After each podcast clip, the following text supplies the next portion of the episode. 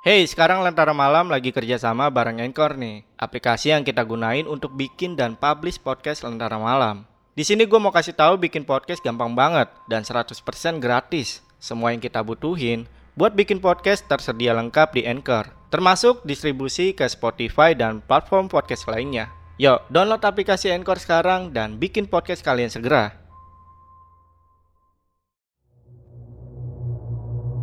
Halo semuanya, kembali lagi di Lentera Malam bareng gue Jamal.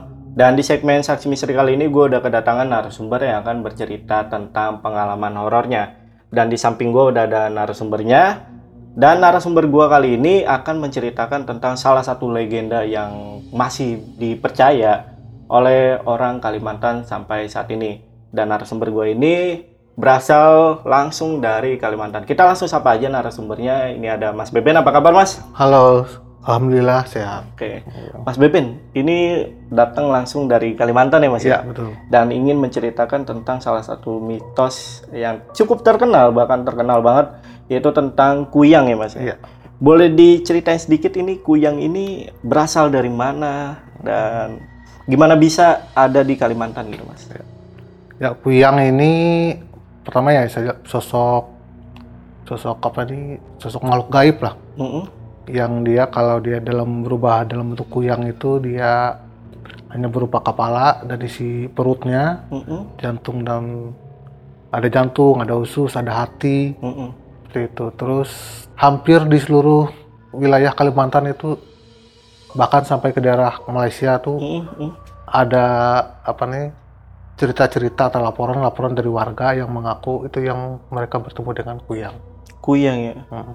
Jadi kalau misalkan dari penjelasan Mas Beben, ini kuyang ini ternyata memang ada pelakunya ya. Iya, Jadi ini sebuah ritual juga bisa dikatakan gitu Mas.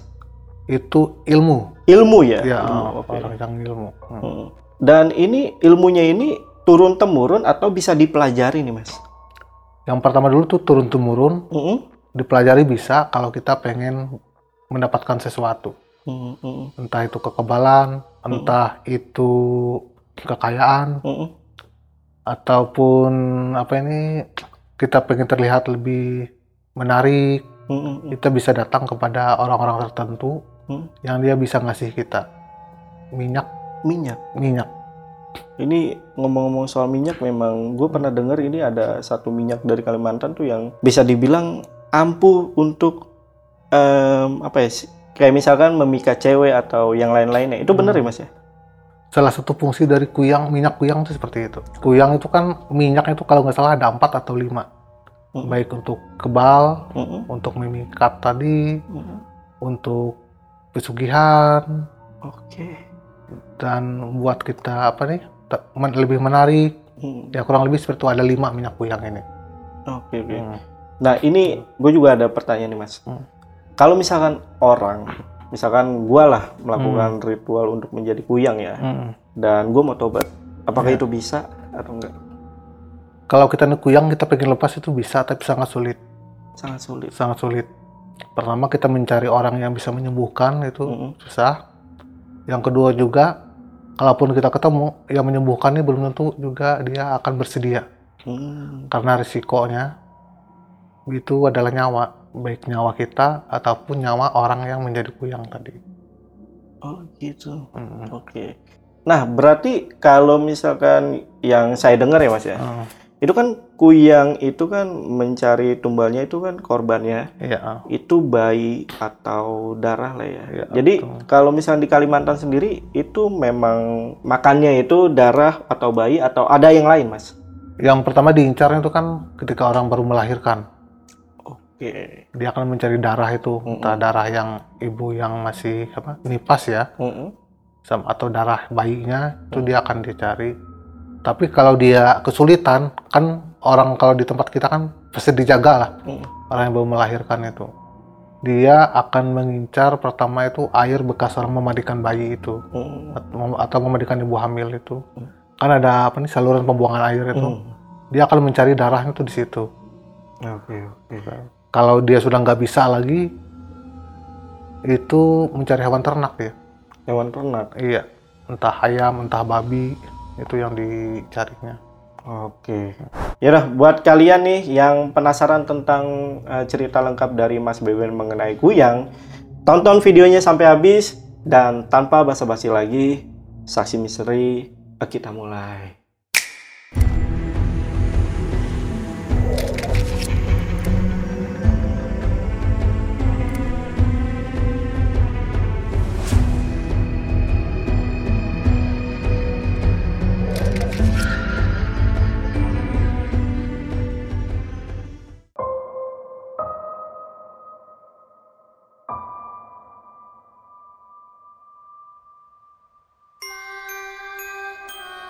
Oke Mas Beben, boleh ceritain lebih lengkap lagi mengenai Kuyang ini Mas?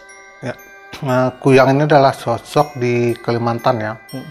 manusia yang dia mempelajari ilmu tertentu untuk mendapatkan kekuatan tertentu dan syaratnya dia tuh harus makan darah. Oke. Okay. Tumbalnya itu. Hmm.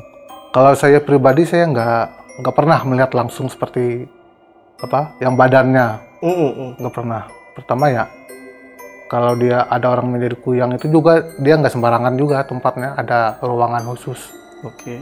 ada yang ngejaga juga kadang mungkin suaminya atau keluarganya mm yang ngejaga itu.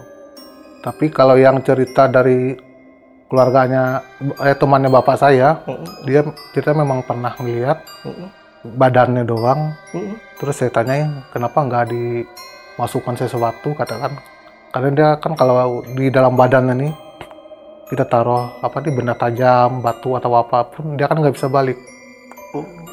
Lalu katanya nggak apa-apa biarin aja karena uang dia juga orangnya baik aja kok katanya. Oh kayak gitu malah hmm. dianggap baik?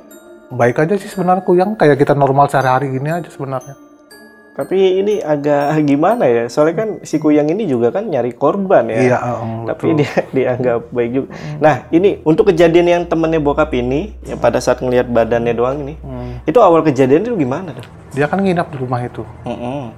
Nginap, pas dia ngeliatin apa jalan ke mana ke dapur selama gitulah. Dia ngeliatin ada badan di depan apa di samping pintu. Tuh. Oh, jadi temannya sendiri ya?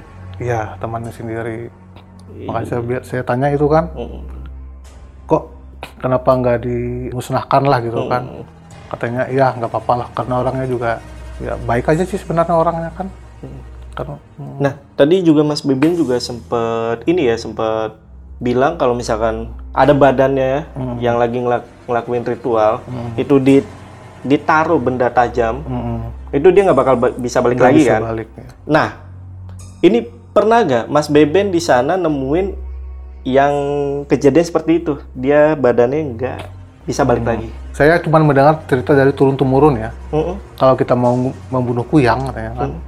kita tunggu ketika badannya lepas, hmm. kita masuk aja di mana dia misalnya di pondok kan, ya itu yang kita masukkan benda-benda ke dalam badannya. Tapi kalau saya melihat sendiri, saya belum pernah sih mengalami sendiri belum. Belum pernah. Iya, cuma diceritakan turun temurun aja. Hmm cara ngilangin kuyang lah itu kan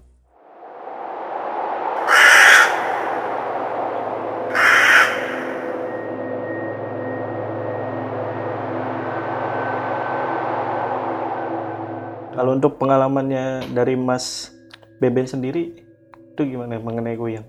Kalau bertemu kuyang itu yang pertama ya, itu waktu saya SD kelas 2. Itu kan kita kan tinggal di perkampungan di daerah Sungai Barito itu. Nah, suatu hari itu keluarganya dari bapak saya itu kan mengadakan pernikahan. Dan menikah itu kan di desa yang ada di hilir sungai lah.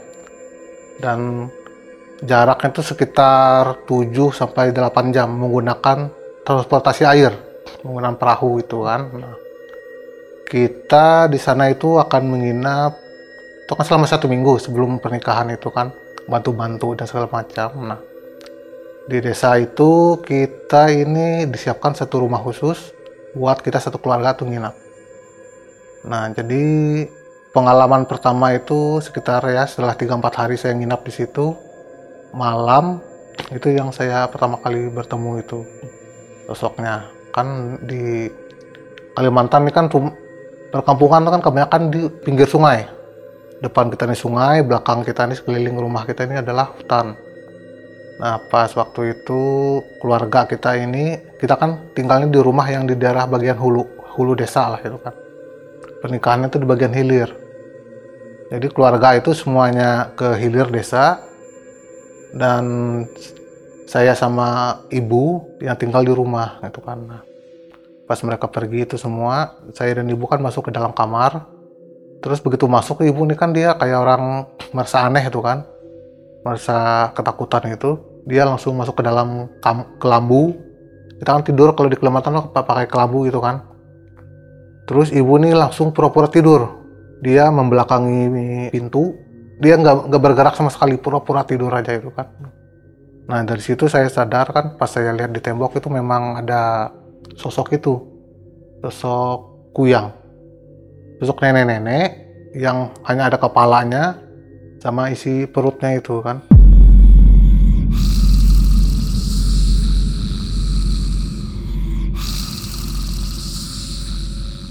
saya tanya sama ibu. Waktu itu saya kan nggak tahu itu apa atau siapa itu kan.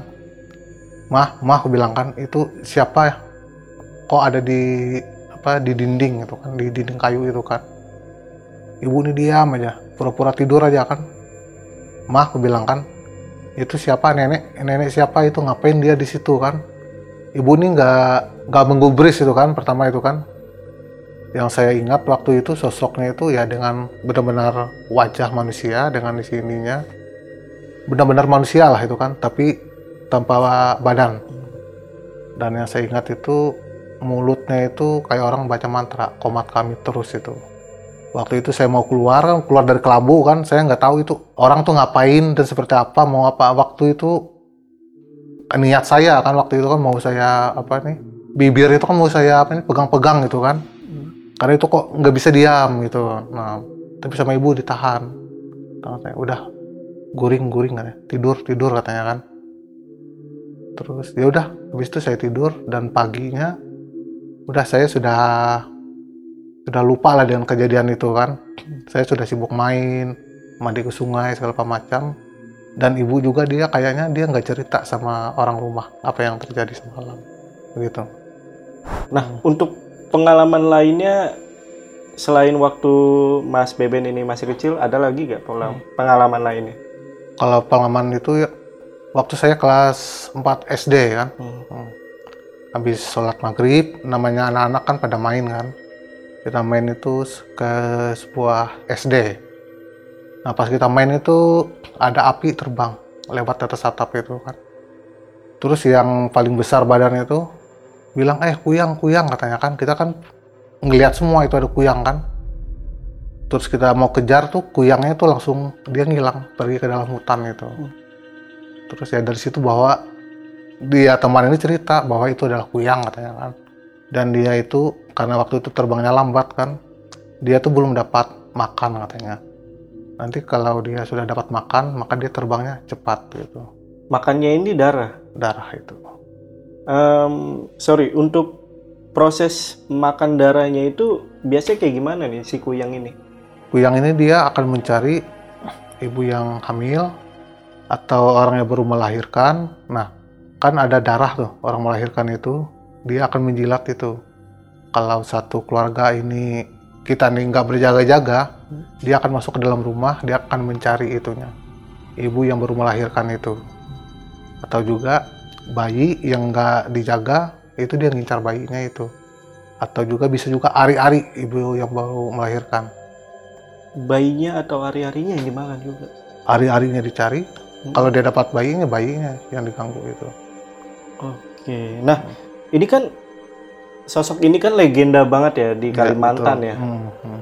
Nah ini ada pengalaman lain juga gak terhadap warga sekitar yang ada di Kalimantan yang pernah Mas Beben dengar? Ya, pertama ya kalau kita di Kalimantan sih sosok kuyang itu kalau kita melihat ku- kuyang terbang gitu kan Hmm. kalau kita yang tinggal di perkampungan di desa-desa itu kita sudah biasa aja melihat kuyang itu kan oh kalau dia misalnya kita nih lagi jalan ya naik motor Hmm. nanti ada dia lewat oh itu kuyang lewat kita sudah biasa kalau kayak gitu Nah tadi kan kita di off cam sempat cerita ya Mas ya. Hmm, hmm. Kalau di sana juga ada terdapat desa Kuyang ya. Iya, oh. Itu boleh diceritain nggak Mas? Sebenarnya kalau pertama ya, kalau di desa-desa itu seperti saya bilang tadi, kalau kita punya tetangga kuyang, Mm-mm. itu kita sudah ya sudah biasa kan, tapi kita diam-diam aja. Karena kuyang ini dia juga jarang mengganggu penduduk yang satu kampung kan. Cuman ada memang ada sesuatu desa di daerah saya itu yang diduga penduduknya itu karena diteror kuyang. Mereka banyak yang pergi dari desa karena nggak kuat. Jadi ceritanya itu ini, setiap bayi yang lahir itu meninggal. Ketika ada ibu hamil itu nanti keguguran. Jadi dan itu kan kejadiannya selalu terjadi ketika bertemu dengan salah satu orang yang ada di pun- yang ada di desa itu. Mm. Misalnya ada bayi lahir, dia berkunjung kan, terus dua tiga hari kemudian dia tuh sakit, Mm. terus meninggal. Itu hingga akhirnya ya karena penduduknya itu hmm, takut lah. Mm. Banyak yang meninggalkan apa, desa itu dan desa tuh nggak ada anak kecil, nggak ada anak mudanya, Hmm. sisanya orang-orang tua aja. Rumahnya juga banyak yang sudah kosong. Hmm. Diduga karena ada salah satu yang jadi kuyang itulah. Begitu. Oke. Sampai sekarang itu sepi. Masih sepi. Sampai sekarang. Hmm.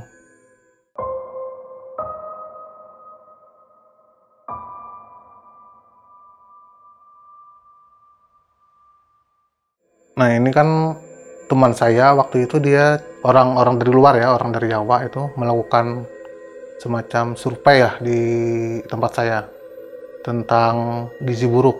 Hmm. Jadi yang jadi sampel itu kan ibu hamil, anak kecil, fasilitas kesehatan.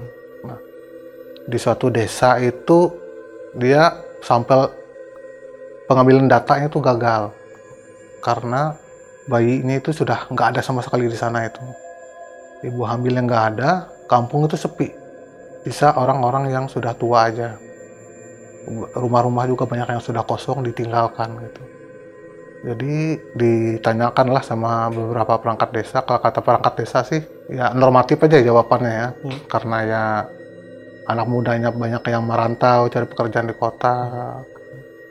Tapi kalau ada penduduk yang cerita itu karena ya mereka takut dengan salah satu orang yang diduga punya ilmu itu. Bertempat tinggal di kampung itu juga. Iya, Kalau boleh tahu kampung di mana nih? ada itu.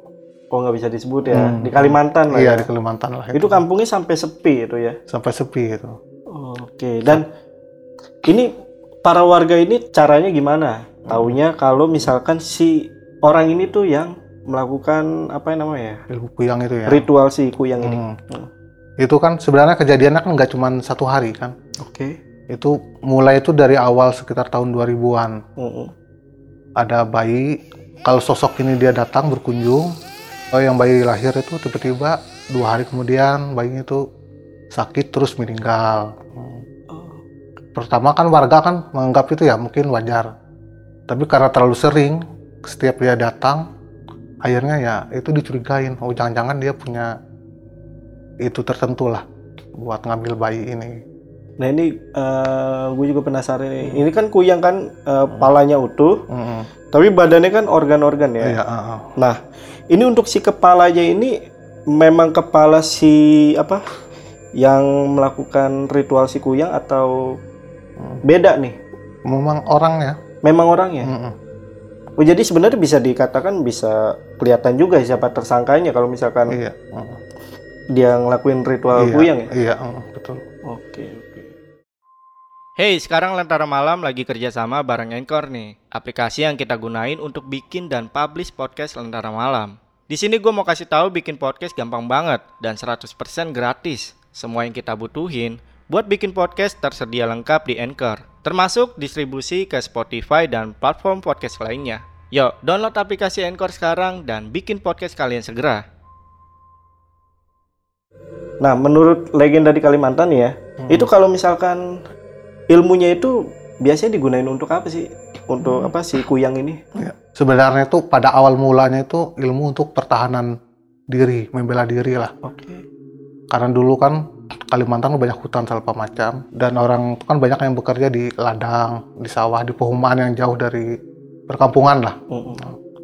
Dan pada zaman dulu kan orang-orang di Kalimantan ini antar suku tuh sering mengayau, Apa itu mengenai? berburu kepala. Oke. Nah, Jadi mereka perlu sesuatu untuk menjaga diri salah satunya ya dengan ilmu kuyang ini. Jadi ilmu kuyang ini dia kebal senjata tajam gitu. Terus dia juga bisa menyembuhkan orang. Kalau ada orang yang diganggu makhluk halus kan di hutan kan orang bekerja kan bisa diganggu lah. Hmm. Terus juga dia bisa mengirim kalau kita bilang kan itu parang maya, Mengirim santet lah. Hmm. Dan sama dia ini bisa mendeteksi bahaya kalau ada orang yang mau membahayakan dia. Jadi sebenarnya fungsinya awalnya seperti itu. Oke. Mm-mm. Di tahun berapa tuh mas? Wah itu sudah lama kan. Hmm. Dan mengayau itu kan kita sudah sekitar tahun 1800-an itu antar suku Dayak sudah nggak ada mengayau lagi. Hmm. Karena kita ada perjanjian damai kan, tumbang anoy itu. Ya mulai saat itu orang Dayak sudah nggak boleh saling berperang antar suku lagi. Oke. Ini Hmm. soal berperang ya. Ini Iya. gua mau nyinggung sedikit lah. Ya. ah. Mau bahas sedikit soal yang dulu ada perang sampit ya. Mm, mm.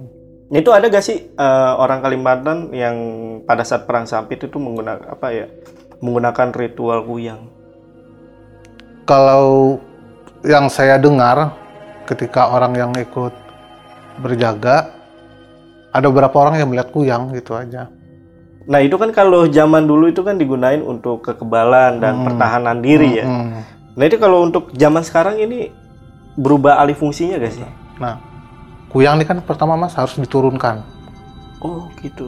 Ya. Oke. Karena kalau nggak bisa diturunkan itu orang yang punya ilmu ini dia akan sulit untuk mati gitu kan. Mm-mm. Menderita lah dia mening- meninggalnya. Hmm. Jadi turun turun turun turun turun akhirnya ya jadilah seperti sekarang ini. Ya memang ada yang kita misalnya kita datang kepada orang yang punya ilmu kuyang, kita minta jimat misalnya kan, jimat ini untuk apa ilmu kebal, dia bisa ngasih seperti itu, ngasihnya pakai minyak. Hmm.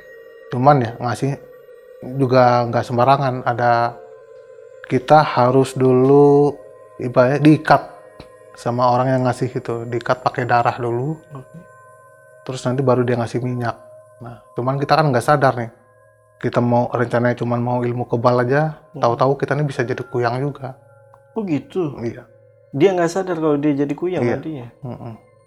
Termasuk buat orang yang pengen terlihat lebih apa nih cantik atau lebih ganteng itu kan pakai minyaknya itu kan, tapi nggak sadar kalau dia juga bisa jadi kuyang.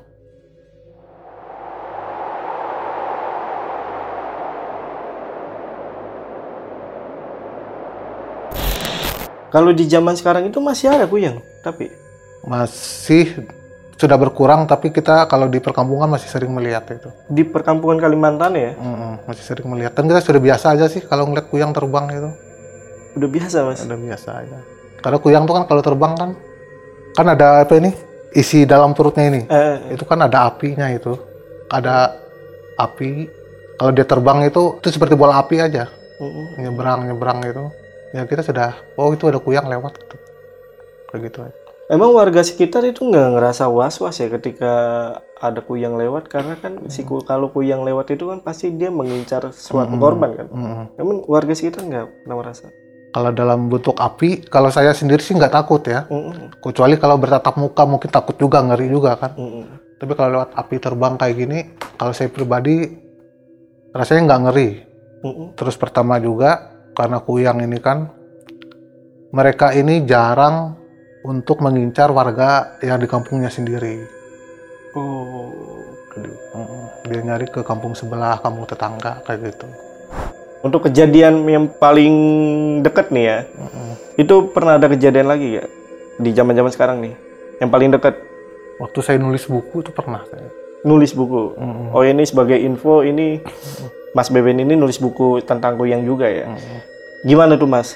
kan saya awalnya tuh nggak percaya ya katanya kalau kita nulis cerita-cerita yang alami horor itu ada yang datang ada yang mengganggu katanya kan satu bulan dua bulan sih saya ya masih normal aja kan tapi lama-lama aku merasa agak nyaman merasa ada yang datang ada yang mampir lah gitu kan saya mikirnya ini cuman ah ini cuma palingan cuman halusinasi aja lah Hmm. cuman sugesti aja karena saya nulis cerita horor kan gitu kan. Cuman saya kan tinggal nih di kontrakan tiga pintu. Cuman yang tetangga saya yang di sebelah ini yang dia punya anak bayi anaknya itu sering nangis kalau malam. Oke. sering sakit dibawa ke puskesmas sembuh nanti sakit lagi. Dan itu saya ini sampai hafal sudah polanya kalau dia mau menangis itu. Hmm. pertama lampu itu di tempat saya itu mati dulu tuh mati terus ada bau busuk. Nanti ini di sekitar pelapon atau di sekeliling rumah tuh akan ada suara berisik sekali itu. Hmm. duk duk duk duk duk duk gitulah. Atau suara dipukul-pukul itu. Nah jadi saya oh ini berarti ini ada yang mampir lah itu kan. Hmm. sampai satu malam mungkin mereka sudah nggak tahan ya. Keluarga ini dia malam-malam tuh dia pergi. Terus mau ke mana cil? Aku bilang kan. Ini katanya mau ke tempat saudara katanya anak saya ini sakit katanya kan. Habis itu keluarga ini dia sudah nggak pernah balik lagi ke tempat itu. Langsung pindah aja. Ya karena itu kosong kan kamarnya. Jadi saya tuh sering mendengar ada saya nggak tahu ini apa kuyang atau makhluk lain. Ada suara orang mandi ada suara orang ngambil air suara hidupin keran. Hmm. kalau nggak suara orang apa mukul-mukul tembok duk duk duk gitu kan. Dan saya juga bisa mendengar yang di paling ujung. Ada kan pasangan suami istri juga itu kan. Istrinya ngaji baca Al-Quran gitu. Hmm. suaminya ini ketawa. Kalau ketawa marah-marah. Istrinya ngaji itu dia ah ah ah ah kalau nggak ah ah gitu. Itu kedengaran kalau malam. Oke, oke. Nah, untuk ini nih, penasaran juga nih. Mas Beben sendiri pernah ada keinginan untuk jadi kuyang nggak sih? Atau pernah mencoba untuk melakukan ritual untuk menjadi kuyang nggak? enggak lah Oh, nggak pernah? Enggak, karena pertama ya Kak, itu kita akan apa nih, sulit untuk meninggal. Sekeratul mautnya susah. Oke. Gitu. Terus juga kita risikonya kan kita nggak tahu dia minta apa. Mungkin kita akan dikasih sesuatu, tapi kehidupan kita juga kan ya mungkin ada ada yang harus dibayar juga kan, entah Hmm. apalah itu kan Hmm. yang dirugikan. Oh, aku kira tuh pernah juga untuk mencoba ritual Enggak. menjadi kuyang. Nggak dibolehin juga Oh, nggak dibolehin. sama keluarga. Memang untuk perjanjiannya itu beda-beda ya? Kita ada sumpahnya, Ada sumpah. sumpahnya diikat dulu minta darah makanya kalau kita misalnya datang ke dukun kalau dukunnya minta darah kita itu mending nggak usah aja Darah kita. Mm-mm. Buat ngikat itu Oke, yang tadi ngikat ya. iya Nah, Mas Beben sendiri ada cerita juga gak soal penduduk desa yang jadi kuyang di sana? biasanya itu mereka apa ya kalau misalnya ada orang baru nih datang ke salah satu kampung di sana kalau kita dianggap nih punya sesuatu ini Hmm. punya bawaan dari siapa walaupun kita nggak sadar kan nanti kemungkinan ada yang nanya itu mas katanya kan di sini kamu bawa baju apa? katanya. Bawa baju berapa? Gitu kan. Kadang kan kita kan nggak tahu. Terus ya maksudnya kita bawa dikasih bawa apalah gitu kan. Hmm. ilmu gitulah kan. Terus nanti kalau ini kita balik nih di penginapan atau tempat kita tinggal gitu. Nanti malam-malam itu ya ada, ada ceritanya kan. Itu ada yang didatangin kuyang. Dan yang datang itu nggak cuma satu ada tiga Tiga kuyang. tiga kuyang yang mampir ke rumahnya Hmm. tapi karena dia memang nggak ada apa-apa kayaknya kuyangnya cuma mau kenalan aja pengen tahu aja Hmm. tapi ada juga ceritanya yang dia sakit ada juga cerita yang persis sama tapi di tempat lain dia sakit terus akhirnya dia minta apa nih pindah tugas balik kampung ke tempat asalnya ada Hmm. juga cerita seperti itu hampir sama Pindah tugas itu maksudnya gimana? dia kan ditugaskan di tempat itu Hmm. karena ditemuin orang ditanyain kamu bawa baju berapa katanya kan Hmm. saya nggak bawa baju apa-apa katanya kan terus dia ngeliat di tempat dia apa di mesnya itu Hmm. ada kayak api terbang mutar-mutar itu Hmm.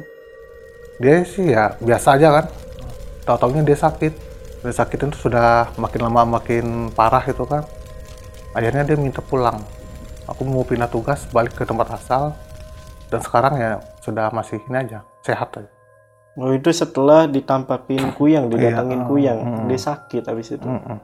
Nah untuk Mas Beben sendiri ada yang mau disampaikan nggak mengenai si kuyang ini yang boleh di share ke teman-teman? Kalau sosok Kuyang sendiri sih, kalau kita di Kalimantan ya, kita nih sudah memang bisa dibilang sudah terbiasa dengan melihat sosok ini. Hmm. Bahkan kemungkinan itu juga ada tetangga kita juga Hmm. yang menjadi Kuyang itu. Cuman ya kita ya kalau kita mau melahirkan punya anak ya kita memang orang apa nih orang rumah nih selalu berjaga-jaga jaga-jaga terus nanti bayi yang baru lahir itu kita kasih benda-benda tajam lah di sampingnya itu kan bayi ini kan ada kelambu yang kecil itu Hmm. kayak tudung itu itu dikasih pisau dikasih gunting dikasih cermin. Itu kan dipercaya bisa menangkal kuyang. Hmm. Nah, terus yang kedua juga nanti setelah berapa hari tergantung ini ya tempatnya ya. Ada yang tujuh hari ada yang 10 hari. Hmm. kita ada namanya itu semacam ritual itu namanya ini palas bidan. Palas bidan. palas bidan. Oke. dan itu bayinya kan didoakan agar bayinya ini terhindar dari hal-hal buruk gitu setelah itu ya biasanya sudah gangguan itu sudah nggak ada lagi seperti itu Oh gitu. Jadi ini Hmm. eh, Mas Beben sendiri membagikan gimana cara menangkal Hmm. hal-hal buruk yang ada di Iya. Kalimantan ya, Hmm. khususnya untuk kuyang. Nah, Ya. eh, Mas Beben ini kenapa bisa tahu dan bisa mendalami nih sosok kuyang ini? Karena selain dia berasal dari Kalimantan, Mas Beben ini eh, juga eh, menulis tentang cerita soal kuyang, sosok legenda dari Kalimantan ya Mas. Ya, betul. Ini buku ini kalau boleh tahu sebagian besar isinya tentang apa nih Mas? Pertama tentang kuyang sebagian besarnya. Oke. Terus ada juga saya sisipkan mitos-mitos di Kalimantan. Mm-mm. Misalnya kalau kita bepergian jauh itu kita ini kepercayaan saya tidak boleh membawa telur, telur rebus, tidak boleh gitu. membawa ketan. Iya. Oke. terus Kalau enggak nanti kita akan mengalami yang namanya kepuhunan. Apa tuh? Kepuhunan itu sial atau celaka. Sial atau celaka? Iya. Itu dan itu biasanya kan kejadiannya kalau kita ini mau dari misal dari Jakarta mau ke Bandung, Mm-mm. itu ini kita pengen minum, minum kopi nih. Mm-mm. tapi kita ah nggak usah aja lah katakan Hmm. kita tunda itu namanya nanti di jalan kita akan kecelakaan Mm-mm. dan itu yang disebut dengan kepuhunan Oh, oke. Ini di Kalimantan memang maksudnya tuh nggak boleh bawa telur dari misalkan saya pergi nih ke Kalimantan nggak Hmm. boleh bawa telur dari Jakarta gitu.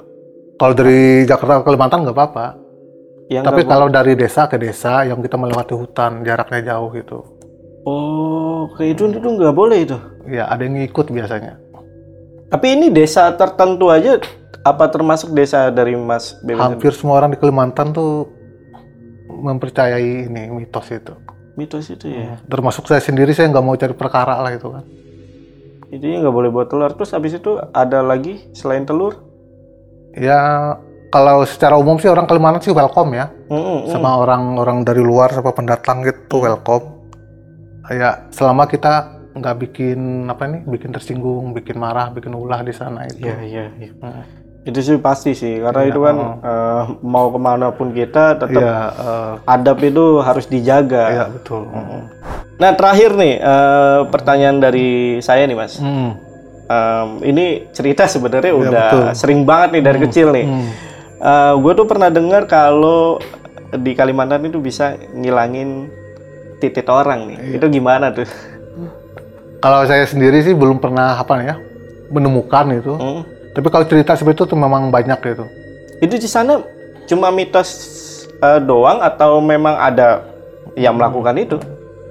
kalau yang ini pembaca saya ini kan pertama kan saya bikin di kaskus ya. Mm, mm, mereka ceri nanya juga kenapa kok kalau di Kalimantan kok bisa kejadian gitu? Mm-mm. dia cerita kan bahwa punya sepupu menikah sama orang di daerah Balikpapan. Mm, terus ini balik ke Jawa. Mm. Ketemuan sama mantannya itu tapi itunya yang itu bukan hilang mengecil katanya Mengecil. iya mengecil, Mengecilnya itu. sampai mana nih? Tetap. terus begitu balik lagi ke Kalimantan Eh? itu ya normal lagi Oh, jadi kalau dia pulang iya kecil, iya eh, pas balik normal lagi ke Kalimantan balik normal, lagi. iya Jadi punyanya dia bisa dipakai kalau di Kalimantan doang ya. iya Ketika dia pulang nggak bisa dipakai tuh. iya takut mau gimana gimana kan Eh, iya iya. Memang iya. banyak sih cerita kayak gitu banyak itu. Oh itu banyak ya memang ya. Hmm. Terus ada ini dulu, gue tuh sempet dengar kalau eh, maaf nih ya orang sebagian orang Kalimantan tuh yang bisa ini ya, itu Hmm. bisa bahkan nempelin titik orang tuh ke tembok. Itu Ceritanya, bener guys? ceritanya banyak seperti itu, tapi saya belum lihat sendiri itu. Oh tapi Mas Beben sendiri belum pernah melihat Hmm. hal itu. Hmm. Kalau misalkan asal mula apa ilmu yang bisa ngilangin titik Hmm. atau nempelin titik ya, itu dari mana sih? Kalau saya saya pribadi saya belum apa nggak tahu dari mana Hmm. ilmu-ilmu itu ya. Itu eh, dari kuyang juga atau beda ilmu nih? Kayaknya beda ilmu. Oh beda ilmu. Mm, Itu di daerah saya itu sangat jarang. Itu saya kejadi yang mendengar cerita itu orang berasal dari daerah ini, daerah dekat daerah Kalbar sama Kaltim. Mm. Kalau di daerah Kalimantan Tengah itu sangat jarang. Pengalaman itu rata-rata mereka yang ke daerah situ yang saya dengar itu. di Kalimantan Barat dan Sama Kalimantan Timur. Timur ya. Yang punya suku-suku Dayak yang punya ilmu yang seperti itu. Iya iya iya. Mm. Ini ngeri banget sih kalau misalkan ada kejadian kayak gitu ya. Mm. Karena gimana sih itu kan alat vital ya, Iya. sangat utama ya kan. kalau sampai tidak bisa dipakai, aduh sengsara seumur hidup. Nah, jadi buat teman-teman yang pengen eh, tahu lebih dalam lagi mengenai mitos-mitos dari Kalimantan ataupun mengenai legenda dari Kuyang, itu teman-teman bisa beli bukunya dari Mas Beben. Ini bisa dibeli di mana nih, Mas? Sekarang pre-order di Tokopedia. OPO di Tokopedia. Tokopedia berani baca. Berani baca. Iya. Untuk linknya mungkin gue taruh di deskripsi buat teman-teman yang pengen beli buku dari Mas Beben ini. Judulnya Kuyang, Sekutu Iblis yang Selalu Mengintai. Ih, Nih pasti seru banget nih di dalamnya. Jadi nggak cuma Kuyang aja Mas ya. Iya. Di sini ada beberapa pelajaran, maksudnya tuh beberapa tips gimana teman-teman kalau misalkan pergi ke Kalimantan biar aman lah ya. Iya. Karena gini mas, di Kalimantan itu juga terkenal sama hutan Kalimantan ya. Betul. Ini juga ada gak sih Itu set- mengenai hutan Kalimantan? settingnya di desa yang dikeliling hutan. Oh ini Iya. settingannya, Setting. setting tempatnya. Iya. Hmm, Oh ini diceritain ada. Cerita. Nanti kalau masuk itu nanti mungkin bisa tahulah Kalimantan seperti apa. Oh Geografisnya seperti apa, mitosnya seperti apa, Mm-mm. kepercayaan masyarakat di sana itu seperti apa. Itu Mm-mm. saya tuliskan di situ. tulisan di sini ya. Hmm. Oke. Sosial media Mas Beben sendiri ada gak? Ada. Saya di Instagram Mm-mm. Ben Bella dan Twitter Ben Bella. Ben Bella ya. Iya. Oke, dan teman-teman kalau misalnya mau tanya-tanya lebih lengkap lagi, langsung aja DM ke Instagramnya Mas BBN. Yaudah, mungkin untuk eh, video kali ini cukup. Eh, gua Jamal dari Lentar Malam, Mas Beben dari Kalimantan. Pamit, bye.